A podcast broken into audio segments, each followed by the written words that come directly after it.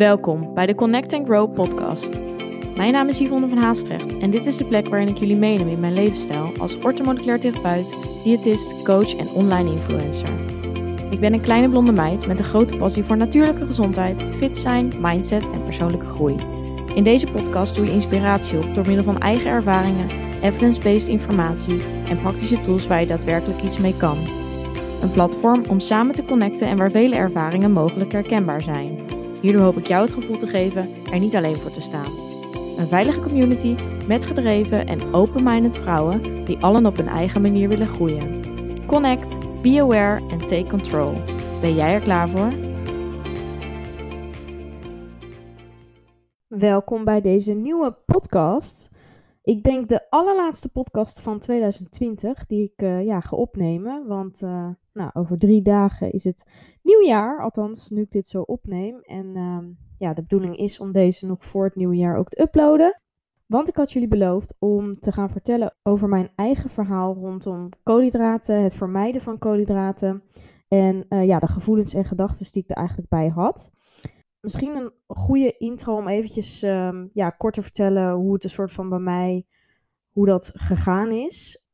En ik dacht, ja, het sluit gewoon mooi aan op deze miniserie over koolhydraten. Ik heb jullie eerst meer verteld waarom ze belangrijk zijn, wat ze doen, um, ja, wat er gebeurt eigenlijk wanneer je ze vermijdt, hoe dat eigenlijk negatief effect kan hebben op het lichaam en de gezondheid als je dit op lange termijn doet. En ook wat dit eigenlijk voor invloed heeft op voornamelijk eigenlijk het metabolisme en je schildklier. En hoe dit dus uh, ja, je gezondheid negatief kan beïnvloeden. Terwijl er wel superveel mensen zijn die dus koolhydraten vermijden. En eigenlijk, um, ja, zeker wanneer mensen gezondere stappen willen nemen of een gezonder eetpatroon willen aannemen, dat ze vaak koolhydraten gaan schrappen of helemaal eruit gooien of in ieder geval minderen. En ik wil niet zeggen per se dat dat gelijk verkeerd is, maar in sommige gevallen, wanneer dit echt over zeker dus een langere periode uh, gedaan wordt en dus vaak een levensstijl wordt aangenomen die dus eigenlijk niet op lange termijn vol te houden is, kan dit wel um, um, ja, vervelende gevolgen hebben die ik zelf dus ook ervaren heb en die ik dus nu met jou ga delen. En ik wil jou daar graag voor behoeden, zoals altijd. Dus um, ja, vandaar mijn, vandaar mijn eigen story.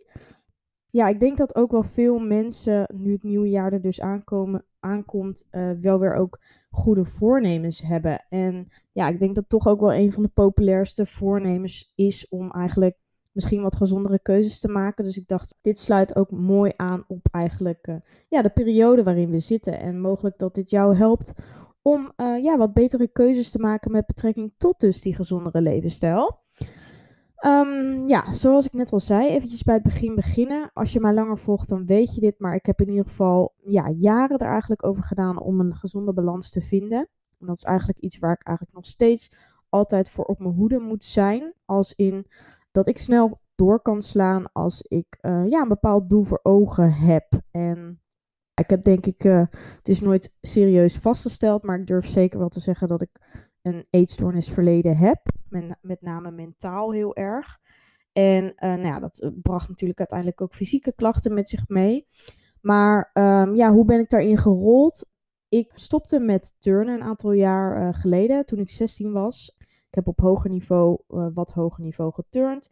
En als je daar, dan train je veel uren in de week. Als je daarmee stopt, en je ja, doet eigenlijk ja, je levensstijl rest niet veranderen, dan is er natuurlijk een stuk minder beweging waardoor je lichaam gaat veranderen. 16 is natuurlijk ook wel sowieso een beetje de leeftijd waarop vrouwen andere ja, vormen krijgen en het lichaam zich anders gaat, um, ja, gaat vormen dus. En dat had bij mij tot uitwerking dat ik gewoon aankwam en eigenlijk niet meer echt dat lichaam had wat ik gewend was om te hebben. Zeker dat sportlichaam, zeg maar. Dus um, ja, ik wil nooit zeggen dat ik echt overgewicht heb gehad. Maar voor mijn lengte 1,58 ben ik wel gewoon. Ja, was ik gewoon niet mezelf. En had ik echt wel een paar kilootjes meer. En voornamelijk, ik zelf voelde, voelde me daar gewoon totaal niet fijn bij. Dus mijn doel was gewoon om af te vallen. En nou ja, zoals ieder ander uh, meisje of persoon ga je dan een soort van op internet kijken, zoeken naar oplossingen. Of in ieder geval om je doel dus te bereiken. En zoals ik net al zei, ben ik dus iemand dat als ik iets in mijn hoofd heb, dan ga ik daar volledig voor. Dan gaat bij mij een soort van knop om en dan, uh, nou ja, eigenlijk neem ik dan een soort van alles aan en heb ik er ook alles voor over om dat ehm, dan te bereiken en om dat te behalen. Een beetje winnaarsmentaliteit eigenlijk. En wat je daarvoor moet doen, maakt eigenlijk niet uit. Dus eigenlijk alles wat ik tegenkom, en natuurlijk ging dat wel een soort van stapsgewijs, maar um, ik maakte wel steeds strengere regels voor mezelf. En ja, dat sluipt op een gegeven moment zo erg in. En ja, die koolhydraten waar, was daar dus één regel van. En ik had in die tijd, zeker aan het begin, had ik nog wel fruit.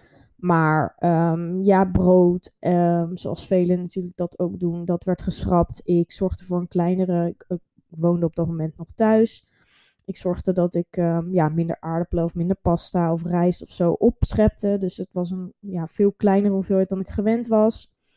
En zo eigenlijk ja, maakte ik steeds, zorgde ik eigenlijk dat ja, voornamelijk ook mijn porties kleiner werd. Ik lette heel erg op calorieën, dus mijn calorieinname werd veel minder.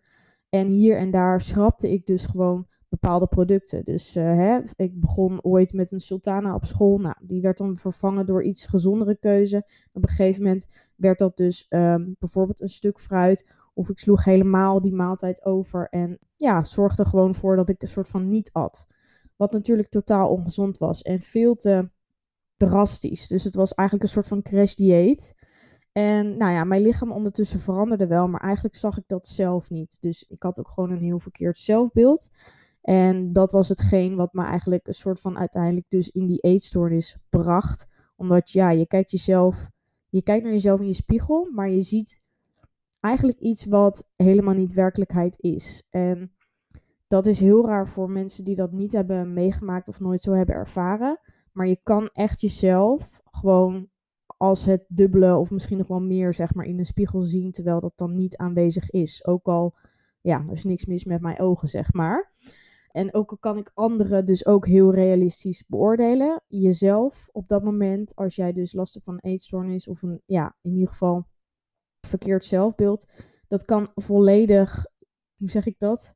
Ja, dat kan gewoon totaal niet kloppend zijn. En dat is hetgeen wat je uiteindelijk een soort van ziek maakt. Dat je niet jezelf in de juiste vorm kan aankijken en ook niet meer dat op een juiste vorm kan beoordelen.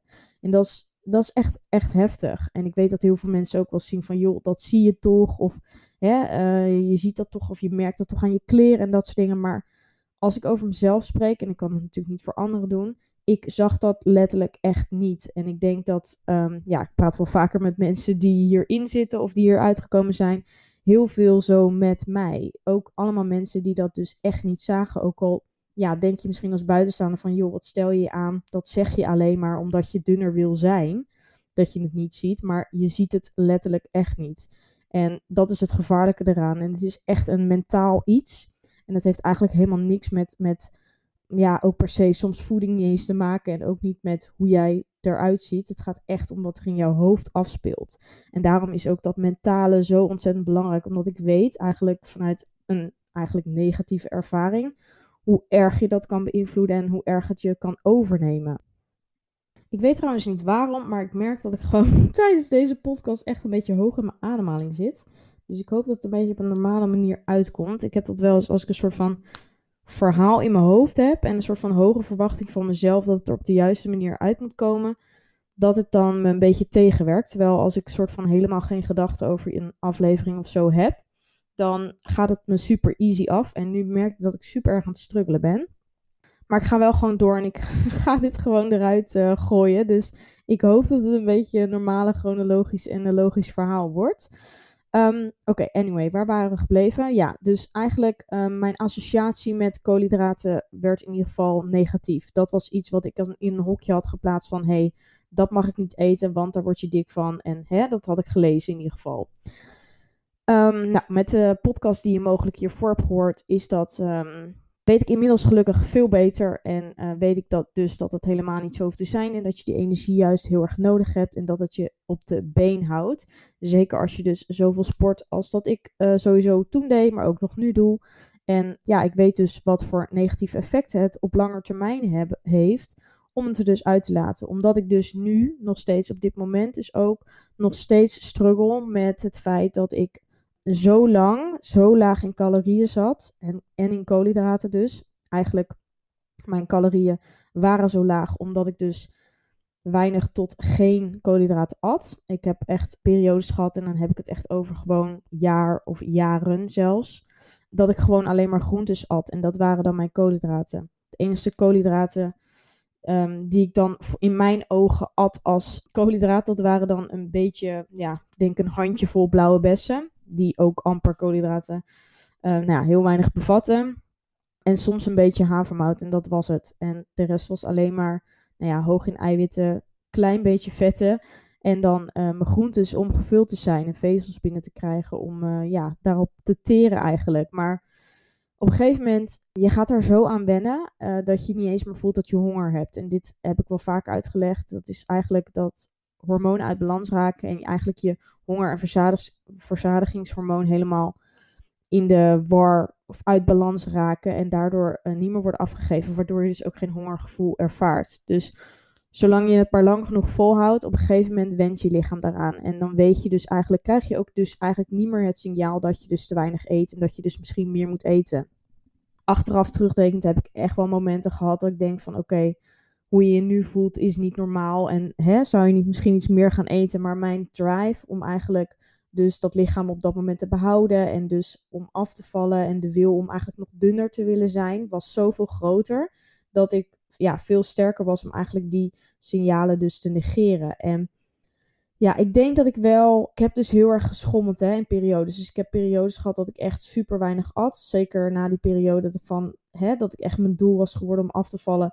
Heb ik dus echt wel twee jaar uh, super streng geleefd. En was ik dus op een gegeven moment dus echt te dun. Zat ik midden in die eetstoornis.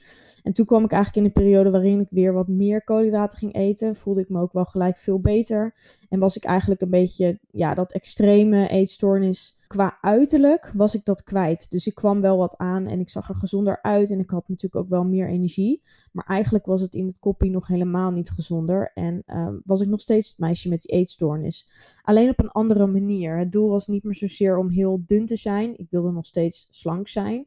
Maar het doel was voornamelijk ook dus om steeds gezonder te eten. Dus um, ja, een beetje de orthorexia kant op. Dus eigenlijk de ongezonde, obsess obsessieve wil om dus alleen maar gezond te eten.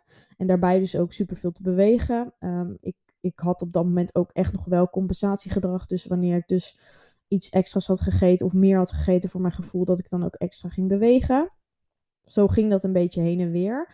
En ik had ook wel mensen in mijn omgeving die op een gegeven moment zeiden van... Hè, je moet meer gaan eten en af en toe een beetje rijst is goed voor je. En ik ging toen meer krachttraining doen in plaats van cardio. Dus dat veranderde allemaal wel met kleine stapjes. Maar in mijn hoofd was ik nog steeds echt gewoon obsessief met al die dingen. En had ik dus ondertussen zoveel regels. En zeker ook omdat een andere kant echt meer die fitnesswereld zeg maar aan mij werd laten zien. En ja, daar kwam ik in terecht en dat vond ik helemaal geweldig. Dus daardoor kwamen er eigenlijk nog meer regels bij. Uh, kwam helemaal die wereld eigenlijk ook in mijn um, regelboekje terecht, om het even zo te zeggen. Dus je maakt het jezelf steeds moeilijker en alles werd met steeds meer restricties en overal kreeg ik steeds meer gevoelens en associaties bij, waardoor het op een gegeven moment, ja, het is zo'n, uh, je legt de lat zeg maar zo hoog voor jezelf. Ik moet zeggen dat het me heel goed lukte eigenlijk, ook al was die lat heel hoog. Ik denk dat dat zeker uh, drie jaar volgehouden heb daarna nog. Dus zeker dus ook na die periode van echt die, um, ja, die wil om dun te zijn. En om eigenlijk te, op dat moment ook letterlijk te dun te zijn. Dus ik was ook echt wel te licht voor mijn lengte. Zeker ook omdat ik dus gezondheidsklachten kreeg en eigenlijk nul energie had. Maar ja, wat ik at was inderdaad uh, één maaltijd na het sporten. Dan uh, had ik misschien uh, Um, nam ik wat rijstwafels, waar natuurlijk eigenlijk ook helemaal niet veel koolhydraten in zitten. En ik had dan misschien mijn maaltijd met havermout en dat was het. Ik schrapte dan s'avonds mijn koolhydraten, et cetera. Dus ik heb zo lang koolhydraten vermeden. Echt gewoon, nou dan praten we echt over vijf, zes jaar. Ik was er ook gewoon bang voor om ze te eten. En dan zag ik andere meiden om me heen en dacht ik, huh, maar jij eet wel gewoon dit. En dan dacht ik van, nou, je ziet er goed uit. Hoe kan dat? Dacht ik dan echt van, waarom eet jij zoveel en waarom eet ik zo weinig? En hè, moet ik zoveel moeite doen om maar, om maar slank te blijven? Uh, maar dat was natuurlijk gewoon deels omdat ik ook mijn lichaam dat gewoon zo had aangeleerd. En um, nou ja, ondertussen heb ik ook van allerlei diëten ook geprobeerd. Het keto-dieet, waar je natuurlijk ook helemaal je koolhydraten uithaalt. nou, echt van alles. En dat keto heb ik dus ook echt wel een tijd gedaan. Toen kreeg ik daarna eigenlijk de periode met allemaal intoleranties. Dus ik kreeg steeds meer buikklachten, darmklachten. Wat dus eigenlijk heel erg in verband stond met eigenlijk mijn dieet, even tussen aanhalingstekens. Um, waar ik dus ook nu uiteindelijk na een aantal jaar dus achter ben gekomen dat alles, al mijn klachten die ik had, hormonale disbalans, acne, nou ja, weinig energie, laag libido bijvoorbeeld ook. En dus ja, menstruatieklachten, dat soort dingen. Zeker die darmklachten, dat was zo'n ding dat ik op een gegeven moment dacht van wat doe ik verkeerd? Ik eet toch gezond? Wat is het probleem? En toen ben ik me gewoon steeds meer gaan verdiepen daarin. En um, ja, kwam ik er dus steeds meer achter dat ja, stress, wat dus onderliggend dus die gezonde levensstijl, wat ik in mijn hoofd had dat, dat gezond was, mij bracht, omdat ik zo de lat zo hoog legde, bracht mij gewoon al die klachten. En dat heeft er gewoon toe geleid dat ik dus dat metabolisme bij mezelf dus heel erg heb aangetast. En ervoor gezorgd heb dat eigenlijk mijn schildklier op een gegeven moment zei van hey, ik stop ermee, want ik krijg nu zo weinig dat alles wat ik binnenkrijg, dat heb ik nodig. En ja, als je te weinig koolhydraten eet, dat heb ik ook uitgelegd in de vorige podcast, um, dan maak je gewoon bepaalde hormonen niet meer aan. Voornamelijk ook schildklierhormoon, wat dus te maken heeft met uh, de omzetting van T4 naar T3, actief T3. Nou, actief T3 is bijvoorbeeld nodig om inderdaad je vuurtje aan te branden, om dus ook nou ja, te kunnen afvallen, vet te verliezen. En nou ja, langzaamaan in de jaren kwam ik dus gewoon aan, ook al bleef ik super weinig eten. Dus zat, al zat ik rond de 1400 calorieën, wat veel te weinig was voor mijn activiteit. Ik, ik kwam op een gegeven moment aan en ik dacht, hoe kan dit? Ik doe, ik doe niks anders. Nou, ik ging toen nog harder mijn best doen, dus nog meer sporten. Toch hier en daar nog meer afhalen van mijn voeding en zo. En zo kom je gewoon in zo'n visuele cirkel, wat dus echt eigenlijk dat yo-yo effect is. Hè? Dus constant maar dingen aanpassen en jezelf nog strenger, nou ja, nog strenger leefpatroon na, erop nahouden. Waardoor je eigenlijk jezelf nog dieper in de put brengt en nog meer klachten er ontstaan. En ik weet dat niet iedereen dit zo ervaart, maar echt geloof mij, als je dit, eigenlijk het feit dat ik zo dedicated of met zoveel motivatie dat kon volhouden, is eigenlijk mijn uh, valkuil geweest uiteindelijk. Je zou denken, oh, hè, wat knap. En dat was ook in het begin waar ik een soort van ook de lof van de buitenkant vaak voor kreeg. Van jeetje, wat knap dat je dat kwam volhouden. En dat gaf dan mij weer nog meer een positief effect. Dat, dat ik dacht van, ja, zie je wel, hè, Yvonne, je bent goed bezig. Terwijl ik eigenlijk mezelf alleen maar, hoe zeg je dat? Teniet deed. Mezelf tekort deed. En mijn lijf veel meer nodig had. En ik gewoon veel meer rust nodig had van training ook. En ja, sowieso dus ook meer koolhydraten. En toen ik daar eenmaal achter kwam en ik dus ja, eigenlijk zoveel informatie ging opzoeken en me nog meer erin ging verdiepen van waar gaat het fout. Bepaalde mensen gaan volgen op Instagram, bepaalde podcasts gaan luisteren, boeken gelezen, echt mezelf een soort van daarin opgeleid. Want zelfs andere coaches en andere therapeuten waar ik in die tijd ben geweest, en dan praat ik over drie jaar geleden, wisten niet, uh, hè, wisten niet waar mijn klachten exact vandaan kwamen. Ze gaven me af en toe wel tips, maar dan ging ik met die tips aan de slag en alsnog gebeurde er niks. Het hele punt was dat ik dus meer rust moet nemen, mijn stress moest aanpakken, meer moest gaan eten. Nou, allemaal factoren. En het, het kwam gewoon uit op hè, die schildklier die dus eigenlijk vertraagd is. En zelfs een huisarts die, die kon mij niet verder helpen en stuurde mij naar huis en zei van ja, je moet gewoon wat rustiger aandoen. Je hebt gewoon last van stress, maar that's it, dat was het. Daar moest ik het mee doen. En toen dacht ik gewoon van ja, ik was toen ook al natuurlijk zelf al diëtist opgeleid, orthomoleculair therapeut. Ondertussen dat ik dacht van ja, dit, dit kan gewoon niet. Ik weet dat er, er klopt iets niet. En toen ben ik gewoon zo ver gaan ja, heb ik dus echt mezelf daarin uh, verdiept. En toen kwam ik er dus gewoon achter dat al die klachten staan gewoon daarmee in verbinding. Dus ik dacht, ja, het enige wat ik nu kan doen is dit omdraaien en dus dat metabolisme weer aankrijgen. Zorgen dat het weer goed werkt, op gang komt. En ja, met meer voeding er dus voor gaat zorgen dat mijn systeem weer voldoende energie krijgt om überhaupt zijn werk te doen. Dus ook om inderdaad mijn vertering weer op gang te krijgen, waardoor ik geen darmklachten ervaar, veel minder opgeblazen ben. Ja, en dat was natuurlijk een, een enorme omschakeling. Maar ik zeg wel eens, mijn pijn was zeg maar zo groot van de klachten die ik had en het, het onbegrip dat ik dacht van, hé, ik ben zo goed bezig. Dat uh, ik dacht van ja, ik ga het gewoon een kans geven. Want hoe ik me nu voel, is niet hoe ik me wil voelen. En al het andere, hè, dat heb ik al geprobeerd. En dat is, zijn de oplossingen niet. Dus ik ga het gewoon een kans geven. Ik ga gewoon meer eten. Voornamelijk dus meer koolhydraten toevoegen. Ik ga meer rust pakken, et cetera, et cetera. En ik vond dit ontzettend moeilijk, want ik vertel het nu makkelijk, maar ja, ik dacht echt, oké, hoeveel dan? Waar, hè, waar begin je? Ehm, dus ik heb gewoon mezelf voorgenomen om sowieso bij iedere avondmaaltijd, dus bij het diner zeg maar, sowieso koolhydraten toe te voegen. Voor de rest mijn patroon hetzelfde te houden. Uh, wel ook de hoeveelheid van mijn andere producten, überhaupt de porties dus te vergroten. En zo eigenlijk mijn uh, voeding volwaardiger te maken. Ik had bijvoorbeeld ook met fruit heel erg de regel in mijn hoofd van hè, max één moment op een dag fruit en that's it. Meer mag je niet. Terwijl eigenlijk ben ik echt super dol op fruit. En ik zie dat gewoon echt als een treat eigenlijk. Dus ik kan er super erg naar uitkijken. Ik kan er heel erg van genieten. Maar ik gunde het mezelf maar één keer per dag. En toen dacht ik van ja, waarom doe ik dit eigenlijk? Want ik vind fruit super lekker. Het is een gezond product. Alleen omdat ik denk dat er dus hè, dat ik daar dik van word, om het even zo te zeggen, omdat er te veel suikers in zitten, doe ik dat niet. Terwijl ik eigenlijk ook vanuit de literatuur en alles wat ik heb geleerd heb, ook wist dat fruit dus eigenlijk helemaal niet verkeerd is. En juist wanneer je dus veel sport, je het juist heel erg kan helpen. Maar ik durfde het gewoon niet aan, omdat voornamelijk ooit ik gewoon een patroon mezelf had aangeleerd, waarbij ik dus heel veel afviel, waardoor ik in mijn hersenen een soort van geprogrammeerd heb van hé, hey, wat je nu doet, dat werkt. Dus je kan nooit veranderen, want dit moet je volhouden. Terwijl dat is natuurlijk super. Ja, dat slaat natuurlijk nergens op, want sowieso je lijf verandert, je leeftijd verandert, je, ja, je hele levensstijl verandert. Toen zat ik bewijs van nog op school, uh, had ik weinig om handen, had ik minder zorgen. Uh, nu heb ik een eigen bedrijf, heb ik veel meer verantwoordelijkheden, woon ik op mezelf, et cetera, et cetera mijn leven is niet meer hetzelfde. Dus hè, alleen al uh, je hersencapaciteit, dus je hersenen hebben glucose nodig om te kunnen werken. Dus ook bij stress heb je juist meer koolhydraten nodig, heb je meer energie nodig. En dat is heel tegenstrijdig en ook wat tenminste tegenstrijdig in wat de meeste mensen horen en denken en zien voorbij komen of aanhoren van de mensen die um, ja, daar verstand van schijnen te hebben. Ik wil trouwens ook echt niet zeggen dat ik alles weet hoor, maar ik vertel nu gewoon even puur mijn ervaring.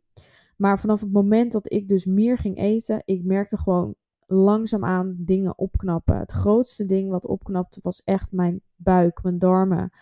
Ik normaal, ik voelde mij iedere dag opgeblazen. En dat is ook natuurlijk waarom ik um, ja, mijn e-book heb ontwikkeld.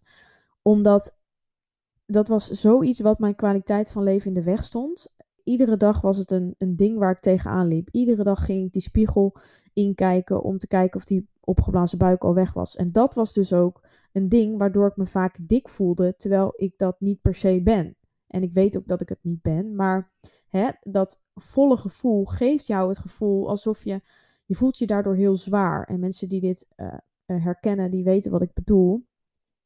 Dus dat was zoiets, dat, dat was zo'n pijnpunt, die darmen, dat ik echt dacht van, ik eet zo gezond. Waarom heb ik zoveel darmklachten?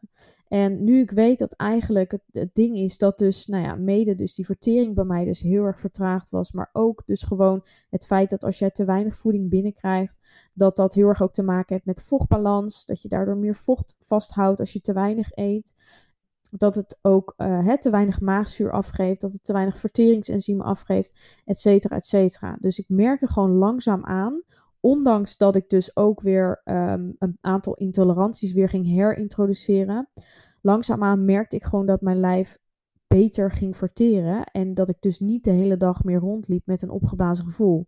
En ik had echt bepaalde momenten dat ik echt, dat ik echt dacht van wow, zo voelde dat. Ik wist gewoon echt niet meer hoe dat voelde om geen opgeblazen gevoel te hebben. En ja, dat is nu waar ik natuurlijk uh, mijn e-book mede op gebaseerd heb. Ik wil gewoon echt de mensen helpen die dat ook zo hebben gehad. En een groot onderdeel van dus het e-book en het stappenplan waarin je dus aan de slag gaat met jouw darmklachten. Want voor iedereen is het natuurlijk anders. Maar voor heel veel mensen en juist de mensen die dus heel erg richten op een gezonde levensstijl en voldoende sporten.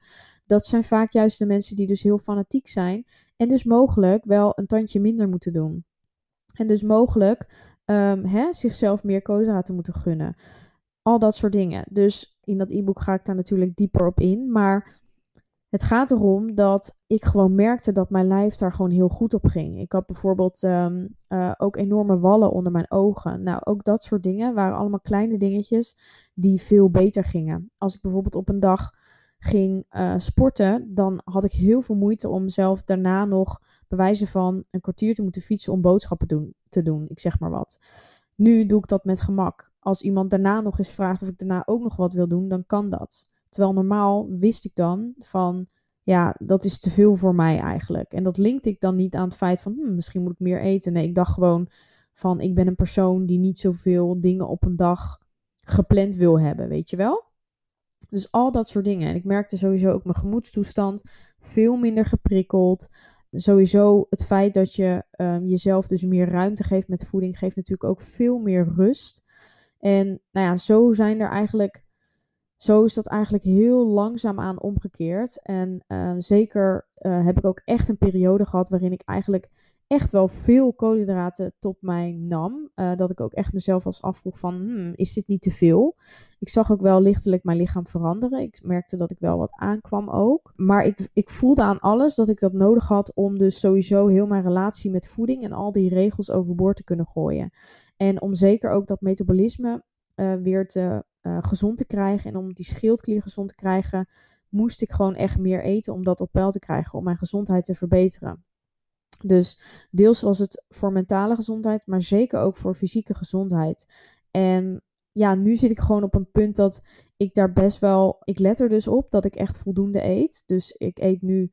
Ja, ik tel ook niet meer. En dat is natuurlijk ook een groot onderdeel daarvan geweest. Uh, ik had dus ook heel veel intoleranties. Nu weet ik dat ik die intoleranties dus voornamelijk had ontwikkeld doordat er dus zoveel stress in mijn lichaam was. Dus ik heb, ben heel erg aan de slag gegaan om mijn darmgezondheid op peil te krijgen.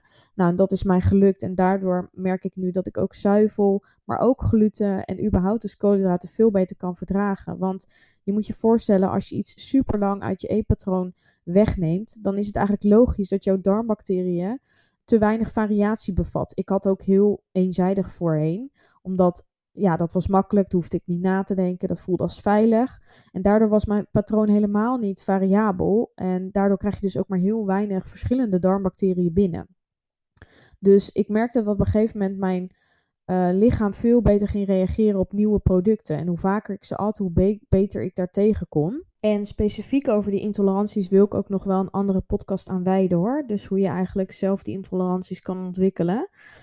Voor nu wil ik het dus even houden over die koolhydraten. Wat ik in ieder geval hiermee wil meegeven is dat doordat ik eigenlijk zoveel regels en dingen had opgebouwd rondom die koolhydraten en dat jarenlang dus anders had gedaan, ja, had ik dus zo'n angst daarmee ontwikkeld door zo'n hele productgroep eigenlijk te vermijden. En achteraf denkend heb ik echt zoiets van ja, het feit dat ik mij zo uh, slecht voel en het feit dat ik daar nu nog steeds negatieve gevolgen van ervaar, is gewoon zo zonde. En daar heb ik in dat opzicht dan ook echt wel spijt van. Want er zijn, tuurlijk zijn er tussendoor mensen geweest die tegen mij zeiden: joh, je kan heus wel koolhydraten eten. Maar goed, ik ben van mezelf ook eigenwijs. En ik had zoiets van: ja, maar ja, dit is hè, de manier die voor mij werkte. Dus dit werkt voor mij dan is het heel lastig om je eigen bubbel zeg maar uit te stappen. En ik heb daar natuurlijk super veel van geleerd ook. Hè? Dus het is echt wel een persoonlijke ontwikkelingsreis eigenlijk geweest. En aan de andere kant ben ik er ook weer heel dankbaar voor, want het heeft mij dus ook super veel geleerd en het heeft mij super veel kennis bijgebracht, die ik nu dus ook super veel gebruik bij mijn cliënten. Um, en ik weet dus ook helemaal waar dit soort klachten dus vandaan komen. En daarmee kan ik dus ook heel specifiek aan de slag bij jullie. Maar ik wil je er dus ook alles behalve voor behoeden, omdat het is gewoon niet de manier. Um, op een gegeven moment gaat je lichaam gewoon tegenwerken. En zoveel klachten die daarmee in verband staan, zijn echt, niet, zijn echt geen grapje, zeg maar. Dus ja, ik weet ook dat als je, als je, als je dit niet kent, als je dit verhaal niet kent, ook, ook voor andere coaches en therapeuten en dat soort dingen, ik zeg het wel vaker, maar dan, um, ja, als je dit niet kent, dan snap ik ook heel goed dat je misschien ook hier niet in gelooft. Of dat je, hè, het niet jouw manier is om mensen hiermee te helpen. Maar ik geloof hier dus echt heilig in nu. En ik zie wat het met mezelf doet, wat het met mijn lijf doet. En vergeet gewoon niet dat het soms dus heel gezond is om dus wat aan te komen. En uh, dat het dus heel gezond is om in het proces van een betere relatie met je lijf en met, met voeding, met bewegen, wat voor vlak dan ook, om dus jezelf meer te gunnen in de zin van hè, meer rust, meer voeding, eventjes afstand te doen van misschien wel de identiteit die jij hebt opgebouwd als iemand die hè, heel fanatiek is of misschien heel dun is of misschien heel sportief is, et cetera. En ik weet dat dit ontzettend moeilijk is, want uh, geloof mij, ik, ik voel me echt niet in mijn beste vorm ever. En ik heb zelfs echt dagen dat, ik, dat er dus weer stemmetjes in mijn hoofd naar boven komen dat ik mezelf te dik vind. En ik weet ook dat dit iets zal zijn waar ik altijd gevoelig voor blijf. Um, al probeer ik dus nu dus niet naar die stemmen te luisteren en ze echt te negeren. En ik probeer nu dus echt vol te houden om dus juist het profijt van het feit dat ik dus nu weer veel meer eet. En mijn metabolisme dus helpt daarmee. Om dus te zorgen dat ik zo meteen dus automatisch weer ja, gewicht eigenlijk ga verliezen. En ik zeg niet dat ik kilo's wil afvallen. Maar ik zou toch iets met iets minder gewicht zou ik strakker in mijn vel zitten. En het gaat dan mij niet om het gewicht, maar puur omdat ik dus zie in de spiegel. En ik ben zeker niet in mijn strakste vorm. Ik denk dat ik weer zelfs bijna op mijn gewicht zit. Ik heb al heel lang niet gewogen, omdat ik dat juist ook wil vermijden, omdat ik anders bang ben dat ik daardoor weer bepaalde regels voor mezelf ga opleggen, uh, onbewust en stiekem toch weer ga toepassen. Dus ik vermijd de weegschaal. Maar ik denk echt dat ik bijna weer, dat misschien een kilo scheelt met het gewicht wat ik ooit had op het punt dat ik op mijn zwaarst was. Dus toen ik, uh, nou, ik denk 16, 16, 17 was. En ik dus eigenlijk mijn hele journey begon om dus, ja, het punt om dus zo dun mogelijk te worden. waardoor ik dus eigenlijk in een eetstoornis belandde. Ik denk dat ik bijna weer dus hetzelfde gewicht heb. En ik wil niet zeggen dat het slecht is. En mijn lijf heeft ook een, wel een hele andere vorm. En er komt ook wel dat ik meer spieren heb, et cetera. Maar um, ja, het feit dat ik nu zeker ook bijvoorbeeld, hè, ik heb nu, als je mij uh, volgt op Instagram, um, ik heb acht weken geleden mijn teen uh, geblesseerd. Die was gekneusd of gebroken, dat weet ik eigenlijk niet. Maar ja, daardoor heb ik ook veel minder kunnen bewegen. Uh, ondertussen zijn natuurlijk ook, is de sportschool weer dicht. Dat zijn wel voor mij allemaal factoren die het in mijn hoofd is dat echt een uitdaging. Dat, het wordt mij heel moeilijk gemaakt, zeg maar.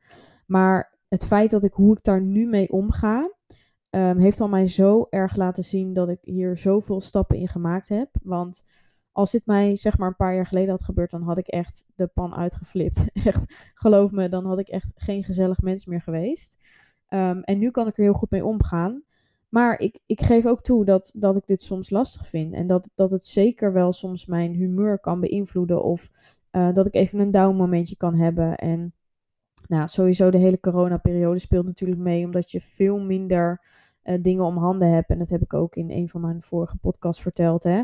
Maar ja, het is toch wel, je, je, het is iets waar ik dus heel erg bewust van moet blijven. Maar ik hou gewoon de hele tijd, hele tijd mijn doel in het achterhoofd dat ik dus zo gezond mogelijk in mijn fitste zelf wil zijn. En fit is nu een heel ander, heeft voor mij nu een heel ander beeld en voelt heel anders dan dat ik ooit dat in mijn hoofd had. Dus gezondheid staat voor mij nu echt voorop, omdat ik dus ook, ik wil niet meer terug zoals het toen was. Dus ik ben nu wel in de basis oké met hoe mijn lijf is en dat accepteer ik. En het is natuurlijk ook veel meer een proces van dus happy zijn uh, met jezelf in welke vorm dan ook. Hè? Dus dat is zeker ook iets, daar ben ik me ook bewust van, waar ik nog meer in mag groeien. Maar goed, ik heb al zo'n weg gemaakt dat ik daarin ook weet van hé, hey, je kan niet alles tegelijk en dat is weer een volgende stap. Maar momenteel ben ik dus super erg bezig met dus uh, ja, gewoon uh, zorgen dat ik uh, zo eet dat het mijn metabolisme en mijn schildklier ten goede doet. En uiteindelijk dus ook mijn lijf. En Um, ja, ik wil daar nog wel eventjes in een andere podcast dieper op ingaan. Wat dan die tips en, en dingen zijn waar ik, meer, waar ik dus rekening mee hou. Ik heb dat in de vorige podcast ook al uh, heel erg gedaan. Maar laat het mij weten als je daar meer over wil horen. Wat ik misschien qua persoonlijk dan echt doe. Um, ik had ook een aantal mensen die meer wilden weten over hoeveel uh, koolhydraten, et cetera. Nou, dat kan ik wel vertellen van mij persoonlijk. Maar het is dus helemaal afhankelijk van wat jouw patroon is en wat jouw activiteit is, wat jouw leven is, hoe jouw gezondheid is. Dus dat kan ik niet zeggen uh, specifiek, maar onthoud in ieder geval dat je zorgt dat je bij iedere maaltijd wel iets van koolhydraten binnenkrijgt. Dus start daar eens mee. Ik weet dat sommige mensen dat dat al een hele grote stap is. Dus probeer daar in ieder geval op te letten. En let dus ook heel erg hoe je gemoedstoestand is hoe jij je verder dus energiek gedurende de dag voelt. Hoe bijvoorbeeld je slaapkwaliteit is. Een hele handige is bijvoorbeeld ook om jouw uh, ochtendtemperatuur te meten. Dus met een temperatuurmeter. zonder dat je uit bed bent. Um, nou, die moet dan minimaal 36,4 graden zijn. Is die lager, dan kun je dus kijken of het je uh, schildklier of ja, of je een trage schildklier hebt je moet dat niet te nauw nemen. Hè. Zit je daar een keer onder, moet je niet gelijk denken dat je een traag schildklier hebt. Maar over het algemeen. Um, ik heb hier ook wat posts gedaan over, op Instagram. Dus mocht je daar meer over willen weten, dan moet je zeker daar even kijken. Maar dit is in ieder geval een beetje mijn verhaal. Dus je weet je ook dat ik um, daar zeker ook momenteel zelf nog mee bezig ben. En zelf dus middenin zit en zelf daar nog mee aan de slag ben. Omdat het duurt dus ook echt mega lang. Ik zit hier nu dus uh, ben hier nu een jaar echt actief mee bezig. En uh, nou, daarvoor ben ik dus langzaamaan gestopt met tellen. Heb ik dus meer um, ja, zeg maar producten toegelaten in mijn patroon. En zo is dat langzaamaan helemaal ontwikkeld. Dus ik wil je even ook om aan te geven hoe lang het dus duurt om, dit, om hier weer bovenop zeg maar, te komen. Dat kost echt super lang de tijd. En het zal misschien mogelijk ook te maken hebben met hoe lang je weer eigenlijk in dat te strenge patroon hebt gezeten. Maar uh, ja, denk er eens over na. Hè. Zeker mocht je misschien bepaalde voornemens hebben. Hè, van ik, ik, ik haal al mijn koolhydraten uit, weet ik het wat. Doe dat alsjeblieft niet. Of kijk daar in ieder geval mee uit. En ja, zeker op lange termijn kan dat dus negatieve gevolgen hebben. Waar je dus veel langer mee bezig bent om dat weer normaal te krijgen. Dus um, ja, dat was in ieder geval wat ik wilde meegeven vanuit mijn eigen verhaal. Misschien haal je er wat herkenning uit, misschien wat inspiratie. Um, ik hoop in ieder geval dat ik je er iets mee heb kunnen meegeven. En dat het waardevol voor jou kan zijn. Wat ik net al zei, ook even tussendoor. Ik vond het best een lastige podcast om te maken. Geen idee waarom.